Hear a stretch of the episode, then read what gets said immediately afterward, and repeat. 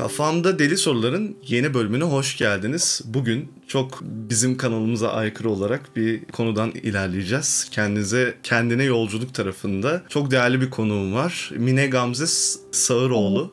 Ee, doğru telaffuz etti. Biraz heyecandan şey yapamadım. Ee, bu arada Gamze Hanım siz normal Gamze ismini kullanıyorsunuz Gamze. değil mi? Mine adını kullanmıyorsunuz. Çünkü Yok bir kitabınız var. Kitabınızda Mine adını görmedim. Ee, merhabalar nasılsınız öncelikle? Çok teşekkür ederim bu yoğun zamanınızda e, bölümümüze e, geldiğiniz için, misafir olduğunuz için. Teşekkür ederim. İyiyim. Çok teşekkür ederim. Ben teşekkür ediyorum burada sizin e, izleyicilerinizle ya da dinleyicilerinizle desem daha doğru olacak herhalde birlikte olmak çok keyifli. Benim için de böyle bir dinlenmek oldu şu an. Dinlenmek için iyi bir zaman oldu aslında. E, tabii o kadar çalışmaktan sonra gelmenizden anladım ben. Dinlenmek evet. için geldiğinizi. Öncelikle bir kendinizi neler yaptığınızı öğrenebilir miyiz acaba podcast'e başlamadan önce? Tabii ki. Ee, aslında kısaca kendine yolculuk, psikolojik sağlamlık ve iyi oluş üzerine çalışıyorum. Ee, ilk önce aslında kurumsal hayattan e, tasavvufa, tasavvuftan psikolojiye doğru dönen bir yolculuğum var. Kendimi anlamaya çalışırken, kendimi anlama yolculuğunda, kendime yolculuğu yaparken artık bu yolculuğu e, çevremdeki e, benimle yolları bağlanan kişilerle de paylaşmak isteği ve arzusu niyetiyle yola çıkınca e, bugün eğitimlerle işte özel danışmanlık seanslarıyla veya ya, e, kitaplarımla birlikte hı hı. E, kişileri ulaşmaya çalışıyorum. Aslında kendi yolculuğumu yaparken bu yolculuğumu paylaşıyorum diyelim ve psikolojinin de bana katmış olduğu tabii ki bilimsel yapı sayesinde e, tasavvufla psikolojiyi birleştirerek insanın kendi bütünlüğünü, doğasını anlamasına ya vesile oluyorum, aracı oluyorum diyelim aslında dışarıdan baktığınızda çok aykırı gibi şeyler gözükse de bence çok birleştirici kavramlar. E, hem inanç kavramı hem de insanın varoluşsal e, psikolojik beyin dediğimiz kavram çok birleşik yapılar. Çalışma mekanizması ortak zaten. Bende eskiden şey vardı. E, bir insan inanç olmadan yaşayabilir düşüncesi vardı ama bir yere kadar bir yerden sonra tıkanıyorsunuz ve aslında bu bölümde de girişte onu söyleyecektim. Ben çevremde de bakıyorum. Modern şeyin hayatındaki insanlar bir şeyleri yapıyorlar, kariyerini yapıyorlar. Ama bir yerde o amaç belirledikleri kavramlarda tıkanıklıklar yaşıyorlar ve kafayı yeme seviyesine göre ben bu kadar çalıştım bunları yaptım niye olmuyor hala niye mutlu değilim ee, şey yaşıyor. Size gelen danışanlarınız da bence bundan muzdariptir. İnsanlarda o çaresizliği çok fazla görüyorum ve e, patinaj çekiyorlar hayatta. Bir türlü o e, işte kendine yolculuk dediğimiz kavrama bir türlü giremedikleri için e, düz yolda dahi gidemediklerini düşünüyorum. Bu yüzden ilk olarak şeye başlayacağım kendine yolculuğun ne olduğu ve neden önemli olduğunu ilk başta bir genel olarak aslında biraz anlatmış gibi oldum ama sizden duymak daha güzel olacaktır diye düşünüyorum. Şimdi iki yönlü bakmak istiyorum izin verirseniz. Bunlardan birincisi biraz e, psikolojik anlamda kendine yolculuk ne demek? Aslında insan e, doğduktan sonra hani çocukluk döneminde çevresindeki nesne ilişkileriyle, nesne dediğimiz ona bakım veren ilk yakınlar ve hayatındaki öteki önemliler diyelim, önemi olan kişilerle olan ilişkilerinin doğrultusunda bir kendilik e, bilinci oluşturuyor. Yani iyi kendilik veya kötü kendilik olarak bir takım yorumlara varıyoruz kendimizle ilgili. E, ancak bunlar kendi öznel e, doğrularımızla, evet. öznel algımızla gelişmiş, ortaya çıkmış bir kendilik algısı. Tabii ki e, büyüdükçe ve kişilik yapımız oturdukça biz bunu hayata yansıtmaya başlıyoruz ama e, bir süre sonra bir yerde karşılaşıyoruz ki aslında bu bizim baktığımız perspektif, bu öznel yorumlama herkesle aynı değil, farklılıklar içeriyor. Ve aslında bazı kişiler aynı ortamda, aynı deneyimlere maruz kaldığında farklı farklı tepkiler veriyorlar. O zaman soruyorsunuz kendinize yani ben hani bir olaya bu kadar güçlü yanıt verirken bir başkasının bu kadar rahat olması nasıl oluyor? İşte zaten belki de uyandığımız yer burası veya belki farklı deneyimleri e, başka başka kişi e, aynı deneyimleri farklı kişiler yaşıyor. E, bizde döngü sürekli aynı yere sarıyor ama onlar bir bakıyorsunuz ikinci, üçüncü deneyimi farklı yaşayabiliyorlar. Bu sefer diyorsunuz ki yani ben de bir tuhaflık var neden hep aynı şeyleri yaşıyorum. İşte bu soruları sormaya başladığımız anda o bizim en başta dünyaya ayak bastığımız, geldiğimiz andan itibaren oluşturduğumuz kendiliği tanımaya başlıyoruz. Biz bunu neye göre oluşturduk? Hangi algıyla oluşturduk? işte burada e, tabii ki erken yaşam öykümüz çok değerli. Anne babanın ilişkisi çok değerli. Anne nasıldı, baba nasıldı, biz neyi rol model aldık, neyi benimsedik bunları gözden geçiriyoruz. Burası işin psikolojik tarafı. Tabii bir de bunun bir bilinç ve bilinç dışı boyutu var. Freud'un tabii ki muazzam kuramı var karşımıza çıkıyor. Ee, bir bilinç dışı faktör var aslında psikanalitik kurama göre e, hayatımızın büyük bir kısmını bilinç dışı yönetiyor. Şimdi buradan hemen bilinç dışını çok açmadan orası biraz soru işareti kalsın. Ee, buradan hemen e, tasavvuf ya da maneviyata geçelim. Oradaki kendilik bilincine baktığımızda da e, aslında tasavvuf sadece ve sadece algıdan ve e, etten kemikten yaratılmadığımızı, bu ette, ete ve kemiğe bir can ile hayat verildiğini, bu canın da e, ya, tüm kainatın yaratıcısı olan e, ismine işte ne derseniz deyin. Ben Kadiri çok, mutlak yaratıcı diyebiliriz Kadiri mesela. mutlaktan, yaratıcı zekadan bir nefes olduğunu bize anlatan bir öğreti. Burada tabii psikolojiyle taban tabana olan şeyse aslında Freud'un bilinç dışı yaklaşımında Freud sadece dürtülerimize ve ahlaki değerlere odaklanmış ama e, biraz daha derinlemesine gittiğimiz zaman aslında o bilinç dışı bizim birlik okyanusu dediğimiz tasavvufta okyanusta damla damlada okyanus olduğumuz o alanı da aslında büyük alanı da e, yansıtıyor. Dolayısıyla bilinç dışı hem bizim dürtülerimizle dürtülerimizi dengelediğimiz e, e, sosyal şey süper egomuzu dengelediğimiz savunma mekanizmalarının olduğu yer hem de tasavvuf tarafından bakarsak ilahi bilginin de kodlu olduğu yer olarak görünüyor. E, biz aslında sadece insani boyutta değil e, ilahi boyutta da bir parçayı kendimizde taşıdığımızı e, söylüyoruz tasavvuf bakışıyla. Yani boyutsal varlıklarız. Bir de burada da vahdidi vücut kavramını bahsediyorsunuz evet. aslında evet. bir nevi. Ee, orada da mesela yani çok ezoterik tarafa girmek istemiyorum da bazı tarafta katılanlar var, katılmayanlar var. Vahdedi vücut ama bence de e, ben de sizinle aynı görüşteyim. E, o yüzden hepimiz aslında birbirimizin e, biraz da parçasıyız. En azından bu tekamül dediğimiz seviyede hepimizin hayatına dokunabiliyoruz. Ya ben burada bir bölüm yaparım. Birisi hiç beklemediğim bir şey dinler, bir şey alır, bir kelime alır ya da sizin danışanlarınıza, okuyanlarınızdan bir şeyler hayatlarını değiştirebilirsiniz. Ya bu da belki de bilinçli bir şeydir. Ya öyle olması gerekiyordu ve oldu e, görünüşte yaklaşıyorum. E, eski arkadaşlarım benim bu dediklerimi duysa bayağı şaşırırlardı diye düşünüyorum. Peki ben bir de şeye geleceğim. E, iyi güzel böyle anlatıyoruz ama e, sizin bu kendi yolculuğunuz nasıl başladı onu sormak istiyorum açıkçası ilk başta. Ee, benim çocukluğum İstanbul'da başlıyor ve tabii ki her e, Türk kızının yetiştiği gibi e, malum hani büyük şehrin ortamında belli e, kalıplarla yetişiyorsunuz. E, biraz hedef odaklı bir çocuktum. E, daha çocukluğumdan beri aslında ilk yöneldiğim şey e, hayatta neden geldim sorusuydu. Yani çok ilginçtir. Tabii bu soruyu bir süre sonra unutuyorsunuz ve o karmaşanın içine dahil oluyorsunuz. Benim e, İstanbul Üniversitesi İşletme Fakültesi mezunuyum ve ardından çok yoğun bir kurumsal süreçte çalışma hayatım var. Şimdi bu kurumsal süreçte çok hırslı, çok iddialı, çok başarılı. Yani okul hayatı çok başarılı.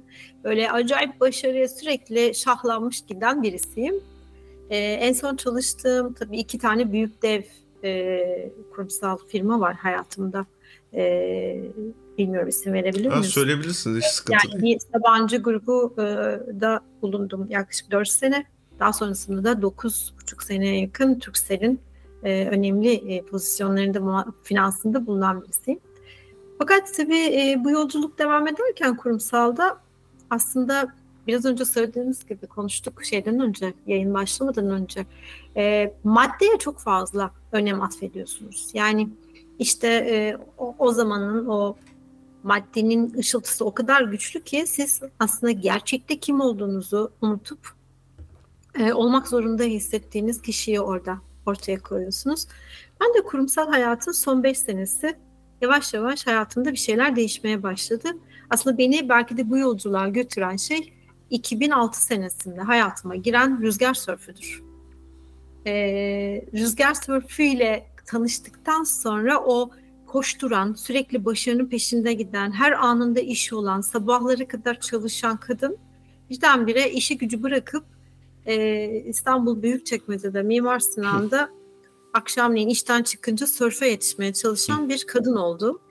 E, o işte topuklu papuçlar, etekler bir anda ayakları yara bere içinde, tırnakları kırık hale geldi. Orada işte beni uyandıran bir şey vardı. Şunu fark ettim ben sörfte.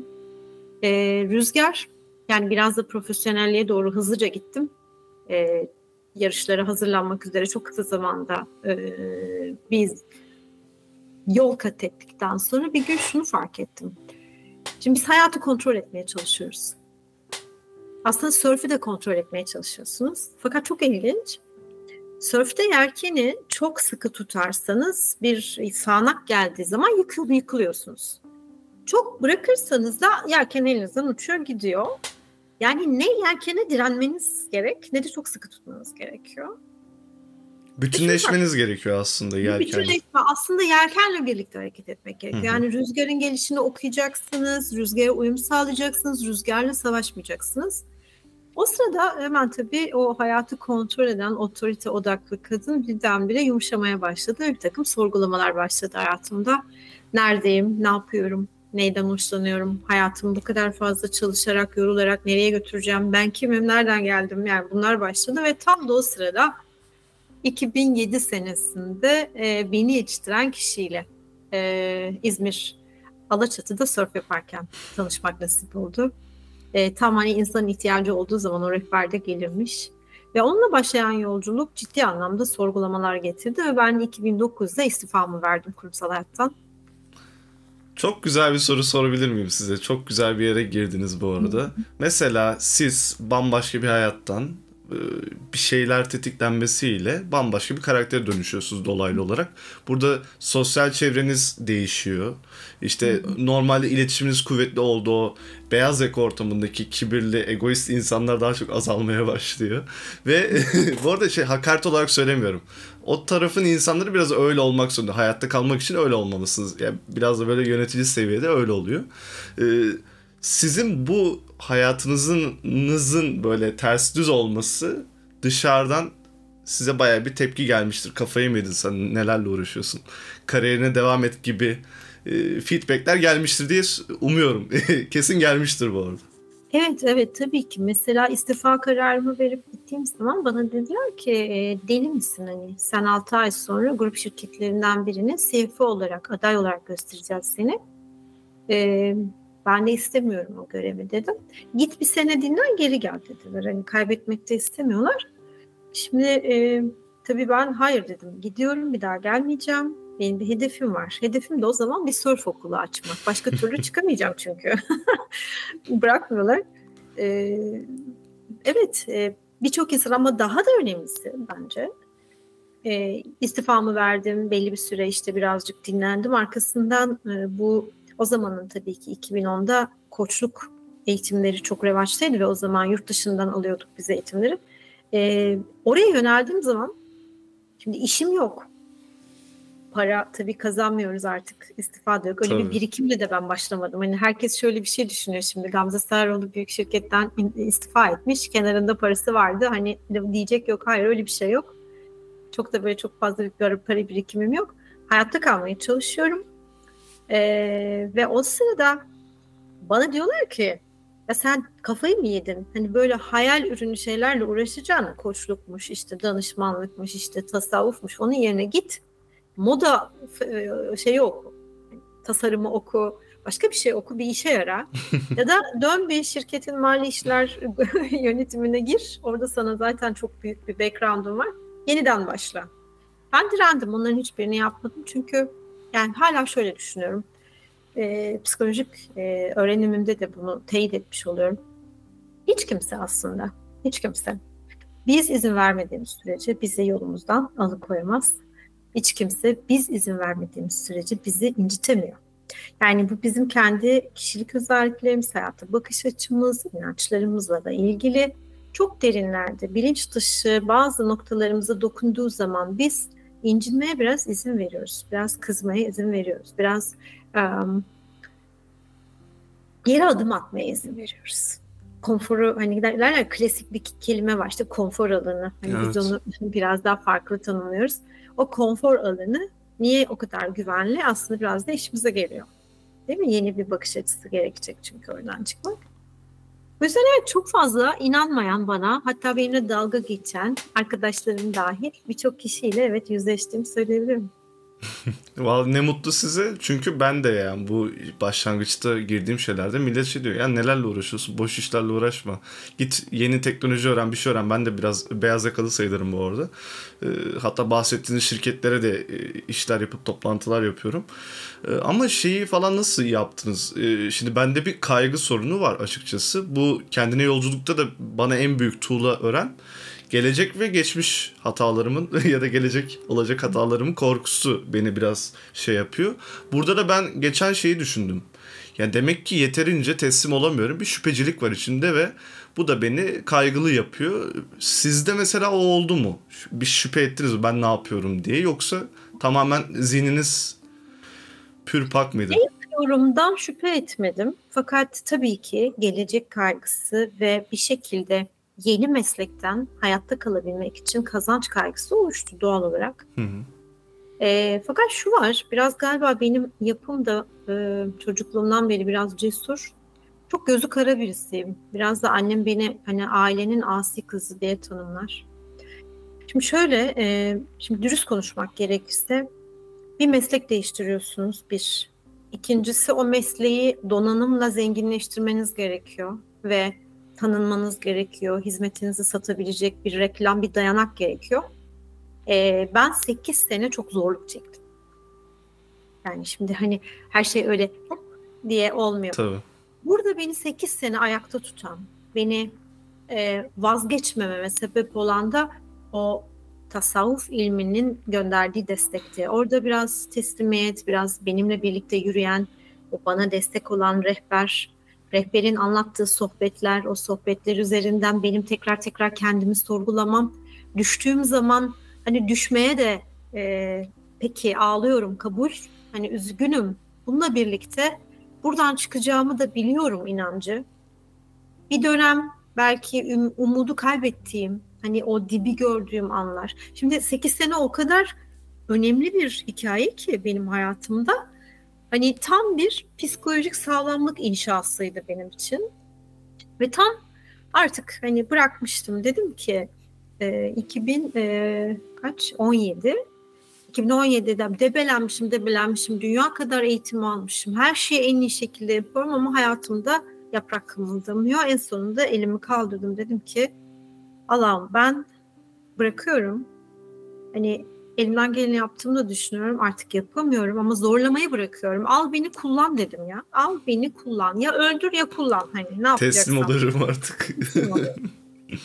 Çünkü zihnim bir süre evet mücadele etti. Sonrası çok ilginçti. Bu cümle çok böyle herhalde içime işlemiş olacak ki her şey o kadar tıkır tıkır birdenbire 180 derece döndü ki şöyle söyleyeyim 2017 senesi benim için çok dönüm noktası. Ee, hatta Instagram takipçisiyle ölçüyorum o başarı oranını.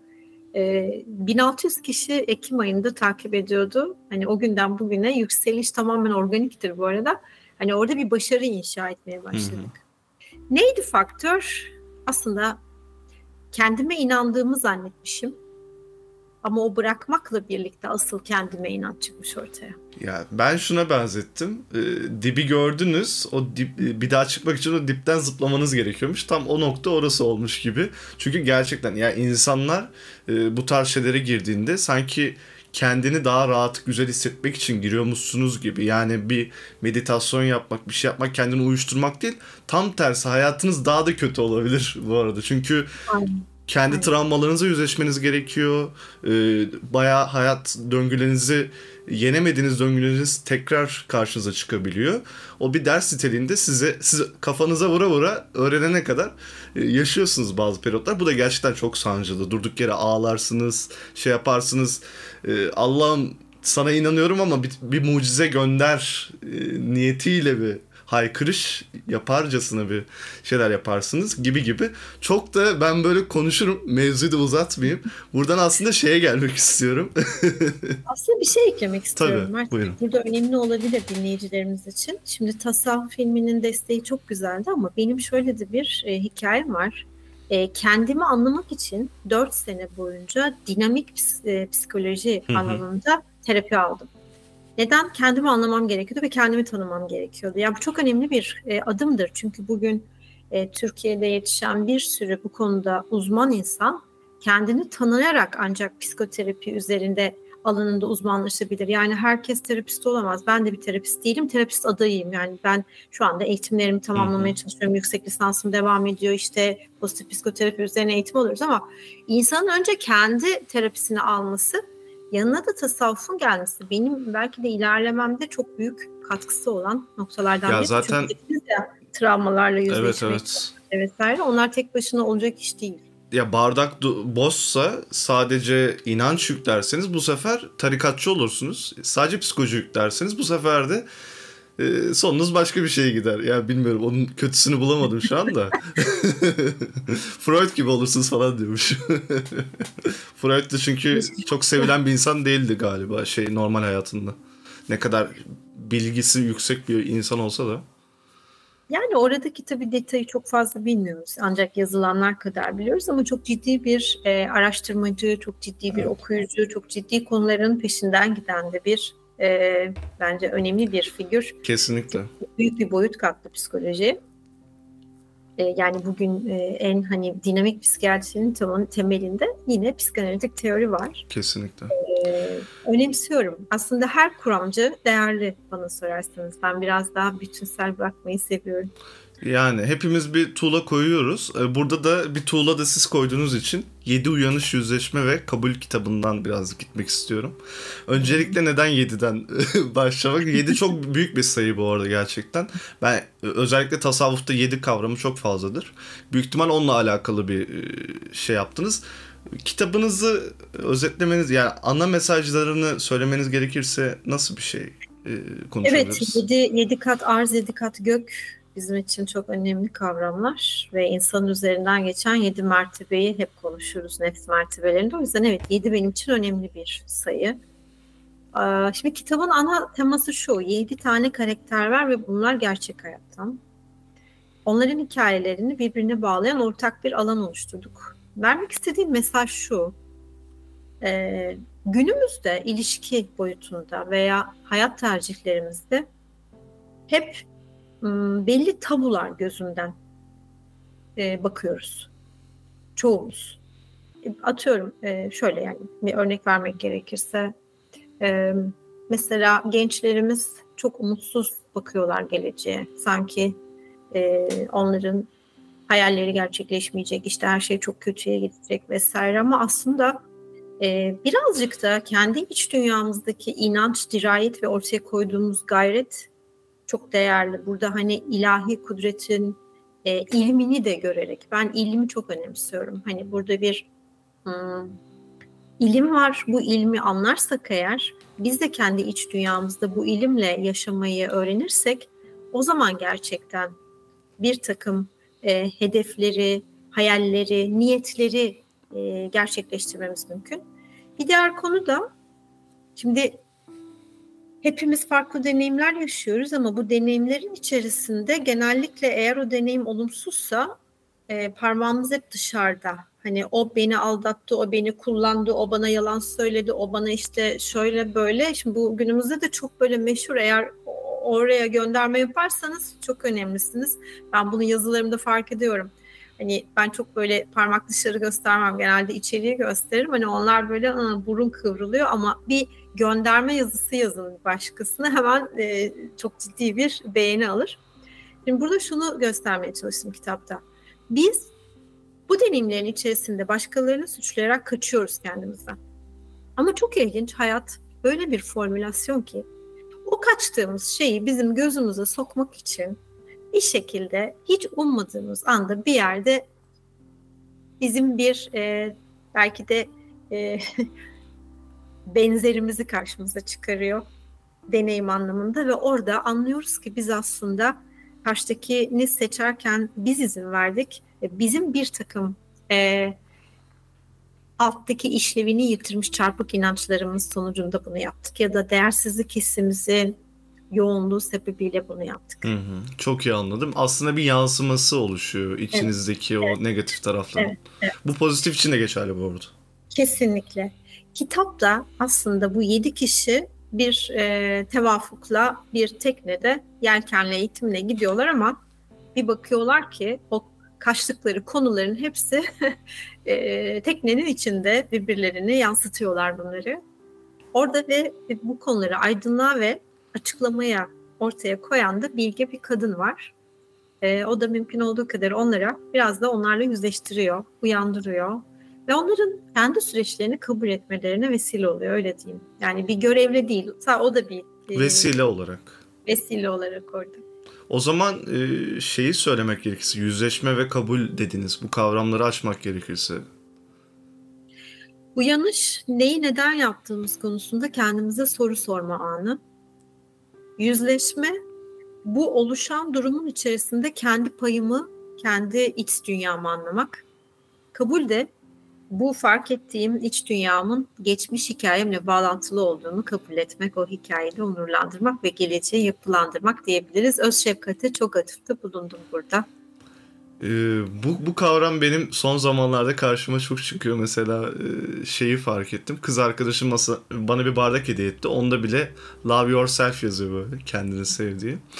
E, çünkü insan gerçekten kendini sevmeyince işte başarıyı kendinde bilmiyorsun. Başarısızlıklar zaten hep senin suçun dediğiniz gibi.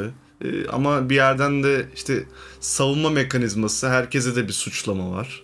Ee, karman çorman bir kafası kopmuş tavuk gibi dolaşıyorsunuz hayatta.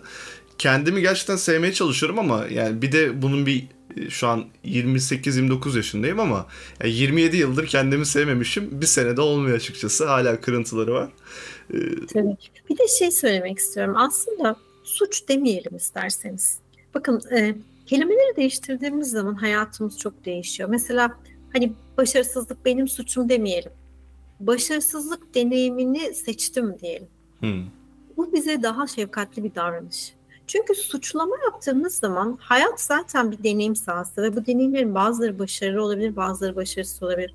Başarısız deneyimleri seçebilmek de çok büyük bir cesarettir. Çünkü nasıl başarılı olacağınızı öğrenirsiniz.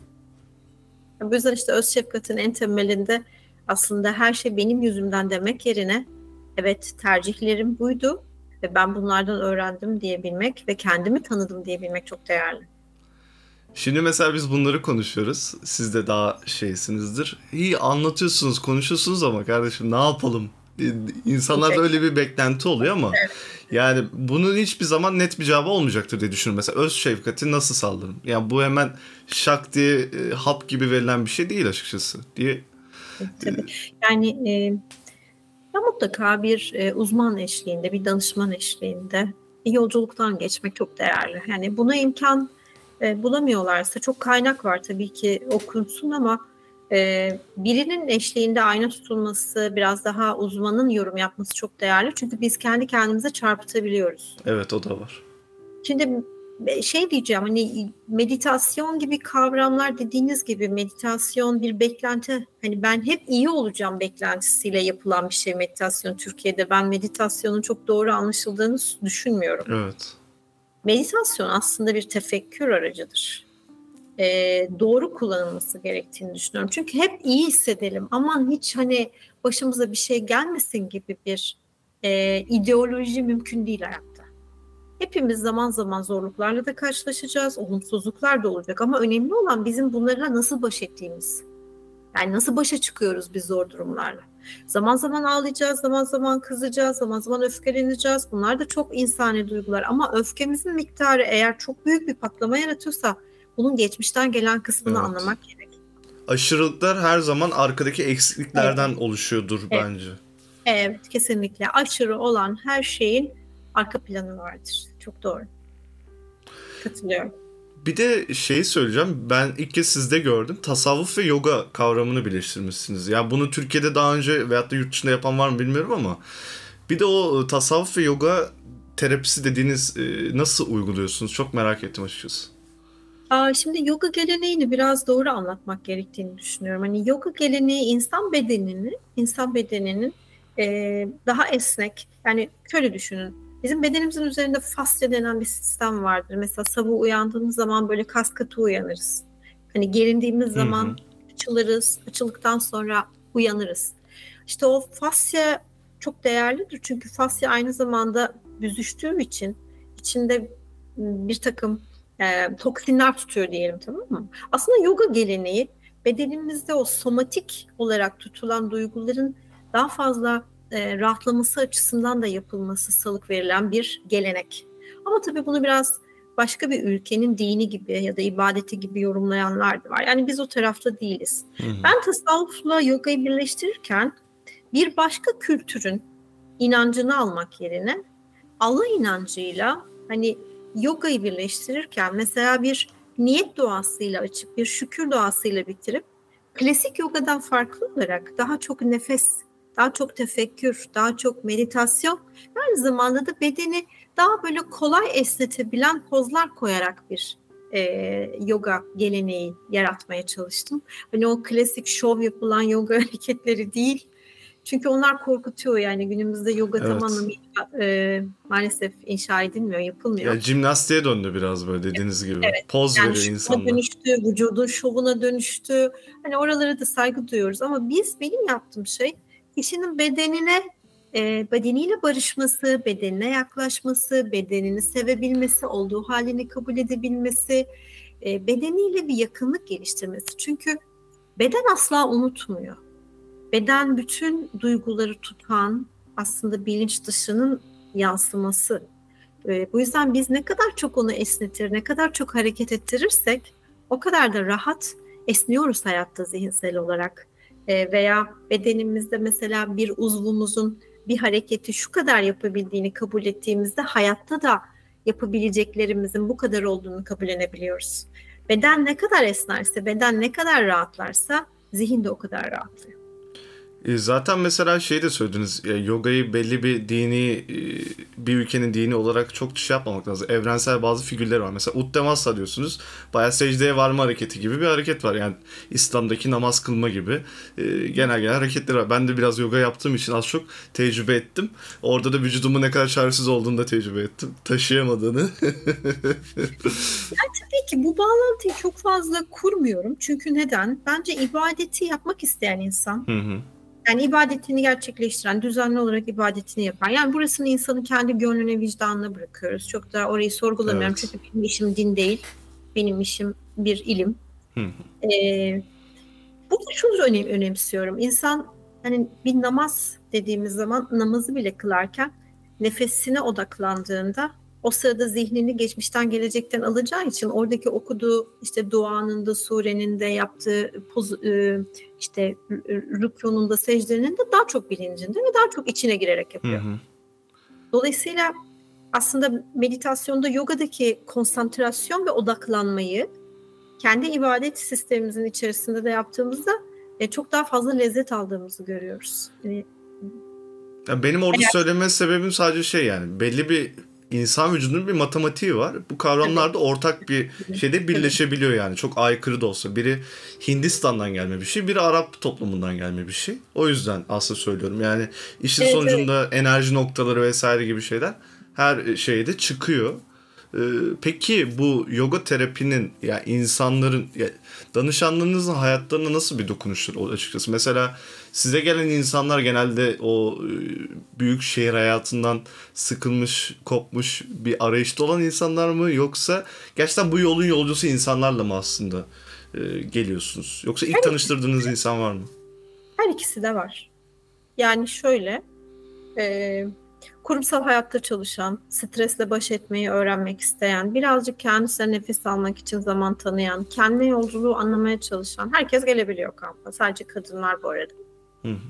Ve e, yoga terapi yani yoga terapiyi yaptırırken iki gün üç gün çalışıyoruz ama kamp bittikten sonra benim hazırladığım videolar var. 50 dakikalık aynı pozlar, işte meditasyon kendi sesinden onu devam ettiriyorlar.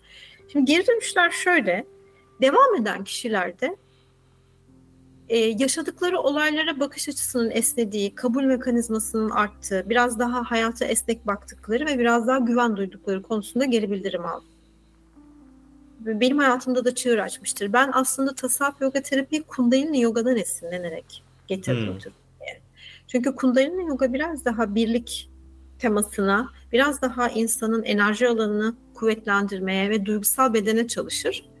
Ben de onu onların Sanskritçe mantralarını kullanmak yerine kendi hani niyetle şükür duamızı koyarak bir e, kültürel hale getirmiş olduk. Psikolojiyi mesela bu kamplarda nasıl kullanıyorsunuz? Kullanıyor musunuz daha doğrusu psikoloji tarafı? Tabii tabii. tabii. E, günde 3,5-4 saat teorik eğitim var kamplar boyunca. Orada ilk gün psikolojiyle başlıyoruz. ikinci gün yine psikolojiyle ve tasavvufla birleştirerek devam ediyoruz. Üçüncü gün ta- tamamen tasavvuf. Üç buçuk dört saat e, o söyleşiler orada çok yoğun. Çok yoğun bir kamp bizim üç günlük kampımız. Yani e, boşluk a, çok az. O yüzden de tam bir e, eğitim kampı diyebilirim. Peki e, mesela bu kampa katılamayan insanlar da olacak illaki. Çünkü e, gel gelelim hayatın gerçekleri dokunabileceğimiz insan sayısı da kısıtlı. Ya binlerce insana şey kampa çağıramazsınız en basitinden. E, normal insanlar bu tarz şeyleri yani yaptığınız şeyleri hayatlarına nasıl entegre edebilirler? Ne yapabilirler? Mesela 15 dakika her gün gelip nefes egzersizi mi yapmalı? Ya da e, gibi gibi. Şöyle, ya şimdi tabii ki YouTube gibi çok büyük hmm. yani video araçları var ve orada her şey aslında mevcut. Şimdi burada insanın e, kendisine yakın gelen bir kişiyi seçip e, bu YouTube ortamında oradaki videolardan istifade ederek böyle yavaş yavaş minik minik ilerleme kaydedebileceğini düşünüyorum. Ama doğru kişileri yani kendine yakın kişileri seçmesi çok önemli.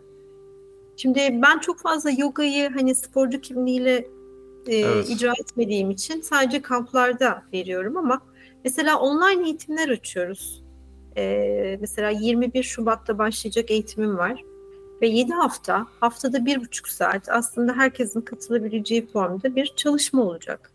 Orada kadın erkek herkesi kabul ediyoruz. Hani bir ayrım yok. Ama sadece yoga olmayacak. Hani hmm. yogayı da farklı bir yerden tamamladıkları zaman aslında kamplara benzer bir çalışmayı e, yaşamış oluyoruz. Açıkçası bölümden sonra ben de bir şey yapabildim, düşünebilirim katılmayı ama biraz zaman yaratmak zor. O da gerçi bahane değil. Her şey bahane ediyoruz hayatta ama istedikten sonra zaman yaratılıyor. Böyle kendi kendime bazen sesi düşürebiliyorum. evet, insanın aslında hayatta değil mi? Engeli kendisinde. Kesinlikle. Yani o, zamanımız çok. Çoğunu çöp ediyoruz aslında. Ama bir yerden de sonra işte bir farkındalık şeylerin ya siz de daha iyi şey yapıyorsunuz. Yani öğrenmenin de şey bir şeyi öğrenmeye başlayınca ne kadar cahil olduğunuzu da hissediyorsunuz ya. O çok garip bir hissiyat. Ben kitap okuma alışkanlığı bile geç biraz şey yaptım. Son 2-3 yıldır çok fazla kitap okuyorum. Ee, bir şey ne kadar eksikse o kadar daha çok zorluyorum. O da benim sinirimi bozuyor. Bir yerden sonra frene basıyorum abartma. Çünkü o zaman e, araştırdığın şeyin kö- kölesi oluyorsun. Tasavvufta da şey vardır yani nefs sana iyi de gelebilir kötü de gelebilir. Yani iyi bir şeyin peşinden de koşturabilir ama onun kölesi olmaya başlarsın. Yüzde yüz. Bu yüzden hani hep e, kusursuz olmaya çalışıyoruz ya. Halbuki kusurlarımızla yaratılmış olduğumuzu ve bu kusurların da bize bu yolculukta eşlik ettiğini ve bize rehberlik ettiğini anlayabilsek mesela herkes öfkelenmekten kaçıyor. Bakın öfke sağlıklı bir duygudur. Tabii. Öfke bir septom olduğu zaman ama septomun arkasında acaba bana öfke ne anlatmak istiyor da sorgulamak çok değerlidir. Ama biz öfkeden kurtulmaya çalışırken daha çok öfkeleniyoruz. Bu sefer kavga başlıyor duygularla. Bir de ben hani dinleyicilere şöyle bir yol haritası çizebilirim. Kendi kendilerine yapabilecekleri. Bunun faydasını çok görüyoruz. Şimdi sizinle konuşurken onu da düşünüyordum. Mesela sabahleyin kalkar kalkmaz yani bir gün 24 saat Hani bir günde yapabileceklerini söyleyeyim. Sabah kalkar kalkmaz yataklarında eğer mümkünse yani bir 15 dakika erken kalktıklarında ilk kalkış anında bir defter kalemle o anda akıllarından ne geçiyorsa yani bunu bir cümle olması gerekmiyor, bir grameri olması gerekmiyor, bir düzeni olması gerekmiyor. Olabildiğince yazmak. Sadece 15 dakika. Arkasından defteri kapatıp çıkmak. Ve ben e, yataktan kalkmadan önce her gün kendime şunu sorarım. E, bugün kim olmak istiyorum? Bugün nasıl hayata karşı e, yanıt vereceğim? Ben neyi hayalini kuracağım? Neyin için çalışacağım? Bunları soruyorum kendime. Bir kere bunu bir yapılandırıp ondan sonra başlar başlamaz güne yemeğimi yemeden, e, kahvaltımı yapmadan hemen bir, bir buçuk saat yoga ve meditasyon yapıyorum. Bir başkası işte farklı bir şey yapabilir. Ee, belki bir nefes egzersizi yapılabilir. Ben çalış çalışanlar için de düşünüyorum birazcık. Ee, arkasından günü yaşamak ve günü yaşarken kendimize gözlemci olmak çok değerli. Yani etki misin, tepki misin? Biz hep tepki mi veriyoruz yoksa etki etme yapımızı değiştirebiliyor muyuz? Çünkü gözlem ne yaptığımızı farkında olmamız için çok önemli. Değil mi? Düşüncemi gözlemlemek, attığım adımı göz, gözlemlemek, o anda o durumla ilgili yaptığım yorumu neye göre yaptığımı gözlemlemek. Bunlar çok önemli. Ve akşam da yatarken de şunu sorarak yatarım. Yarın için yanımda kimi götürüyorum? Oo. Güzel bir şey. Valla sohbete doyum olmadı bu arada. Ben sabaha kadar da konuşurum sizle. Ee, biraz çenem düşük fark etmişsinizdir. Ee, Rica ederim. Çok e, güzel bir kapanış yaptınız. Bir de size en son kendimden biraz çıkarım yapıyorum e, kendi senaryomdan. Bu tarz şeyleri başladığınızda kendinize bir yabancılık hissi oluyor mu ilk başlarda? Ya çünkü bambaşka bir hayattaydınız. Sonra bambaşka bir, bir sakinleşme geliyor. İşte dediğiniz gibi tepkileriniz azalıyor. E, çevrenizdeki insanlar şey oluyor. Garip bir şey oluyorsunuz. Yani bir Zeki Demir Kubuz e, ya da Nuri Bilge Ceylan filmindeki karakter gibi boşluğa bakıyorsunuz böyle bazen. E, o da hayatı izlemek aslında. Bir nevi güzel bir şey ama garip bir his. Yani tarif edemiyorum açıkçası. Evet e, şey hatırlıyorum. Şimdi geriye doğru gittim. O kadar uzun zaman geçti ki tabii benim yolculuğumda. 2010 senesinde yalnız başıma odağımı nefesime verebilmek için önce duvardaki çiviye bakma egzersizi yapıyordum evde. Yani ben meditasyonu falan yapamıyordum. O derece şeydim. Ve şöyle bir şey söyleyeyim bir anekdot. Türkcell'den istifamı verdiğim ayrıldığım dönemde e, bedenimde ayak parmaklarımdan boğazıma kadar belli hastalıklar vardı. Yani işte boğazımda nodül vardı, işte midemde çok ağır bir reflü vardı, işte ayağımda bir ur vardı, disk kapağımda problem vardı. Ben bunun için ameliyat demelerine rağmen yani hani belki ameliyat olasılığı koymalarına rağmen bunların birçoğunun bir sene sonra hayat değişikliğimle ve huzurlu bir ve sakinlik e, haline geçmekle birlikte e, septomlarının neredeyse yok olmaya başladıklarını gözlemledikten sonra bu yola inandım aslında. Benim için o çok büyük bir göstergeydi. Ve e, dediğiniz gibi e, hatırlıyorum yani meditasyonun M'sini bilmeyen birisiyim. E, dediğim gibi nefese odaklanmak için önce duvardaki çiviye odaklanmayı öğreniyorum. Konsantrasyon. Ve evet çoğu günler neredeyim, ne yapıyorum, nasıl hani ben bu yolda ilerleyeceğim, nasıl başa çıkacağım dediğim günler olmuştur. Bazen evet kendimize yabancılaştığımız günler oluyor ve bir miktarda yalnızlaşıyoruz değil evet, mi? Hani tek başına doğru çekiliyoruz. E, o da biraz seçilmiş yalnızlık. Her ne kadar insanlar bizde uzaklaşıyormuş gibi desek de biz artık orada duramıyoruz galiba. Çünkü çok fazla eleştiriyoruz değil mi? Aslında şey değil yani bu arada kötü bir şey değil ama böyle e, hayatı dışarıdan izliyorsunuz. İşte normal çok iyi anlaştığınız arkadaşlarınız gene çevrenizde kendi aralarında anlaşıyor. Siz böyle dışarıdan izliyormuşsunuz gibi bir his oluyor bir yerden sonra. Çünkü o zamanki konuştukları yani eskiden eğlenebiliyordunuz onlarla. Onların dilinden konuşabiliyordunuz ama o zehri aldıktan sonra e, vücut harbi o konularla eğlenmiyor en azından. E, eğlence anlayışı farklı oluyor bir, bir nevi. Buna şöyle diyelim. Ee, kapı içeriden açılmaya başlayınca dışarıda bir kapı açma ihtiyacımız kalmıyor. Evet. İşte ve içeriden açılan kapı o kadar ihtişamlı ve o kadar eşsiz bir e, hale götürüyor ki bizi. Biz oraya bile giderken sorguluyoruz aslında. Hayırdır inşallah şimdi ben acaba hasta mı oldum, usta mı oldum, bir şey mi oldu, aklımı yitiriyorum. Hayır o bir aslında belki de hani balansta gelmek gibi bir şey düşünüyorum orada. Ama tabii şurada şuna da çok dikkat çekmek istiyorum. Biraz önce konuştuk ya. Ezoterik her şey çok uç noktalarda aslında bize e, zarar veriyor. Evet. E, ne bu tarafa çok hani madde ve manevi dengesine çok önem veriyorum ben. Hı hı. Yani sufilerin e, bir özelliği vardır. Sufiler yerler, içerler, eğlenirler, mal alırlar, satarlar, evlenirler, çocuk hı hı. dünyaya getirirler. E, ne bileyim hani biraz e, zevkleri için, hobileri için zaman harcarlar ama bunları yaparken bunları yaparken her zaman akıllarında e, ilahi kudreti, Allah'ı hep akıllarında, gönüllerinde tutarlar ve bir şey ellerinden alındığı zaman hep bana şu öğretildi. Beni yetiştiren kişi de onu öğretmiştir. Maddi ve manevi şartlar oluştuğunda olur, ben de elimden geleni yaparım derler ve deriz. Bu çok önemli. Ama yok işte ben artık elime eteğimi dünyadan çektim. Hani manevi şeye erdim noktasına gidersek orada da kibre giriyoruz. Tabii. Hala bedenli bir varlığız. Hala bu dünya bahçesinde bulunmak zorundayız ve fayda üretmek, bir amaç edinmek, insanlığa bir hizmet sunmak bile çok değerli. Örneğin siz mesela bir hizmet veriyorsunuz şu anda ne kadar güzel bir şey. Bu çok önemli bir aşama bence. Çünkü siz bir sürü insana ulaşmaya çalışıyorsunuz. Şu anda faydalı insanlarla sohbetler yapıyorsunuz. Bu işte fayda sunmaya başlamış olmaktır. Ya en başta şu an kendime fayda sağlıyorum. Sizle e, tanışma fırsatı buldum. Yani e, benim düşüncemde ya gerçekten bu tarafa girdiğinde böyle insanlar çekmeye başladım. Yani normalde benim sizle yolum e, denk gelmezdi bundan seneler önce. Sizinle ben de gelmezdi zaten. E, çok enteresan yani. işte o mesela demin söylediğiniz gibi o kadar çok ortak noktamız var ki her şeyden konuşabilirim şu an. Mesela kibir kavramı bile başka bir bölümün konusu. İşte hayatınıza gel- gelen şeyler, hastalıklar vesaire bunlardan şikayet etmek bile en büyük kibirdir mesela. Yani sen kimsin ki şikayet ediyorsun? Herkesin başına geliyor bu tarz şeyler gibi gibi. Ee, bu bölümde daha fazla uzamasın diye ben isterseniz şey yapıyorum. Son bir kapanışta şeyiniz varsa e, alalım. Yoksa bitmeyecek bu bölüm. ne söyleyeyim, ne, neyi konuşayım, konuşayım diye düşünüyorum kapanışta. Ee, yani şunu söylemek istiyorum.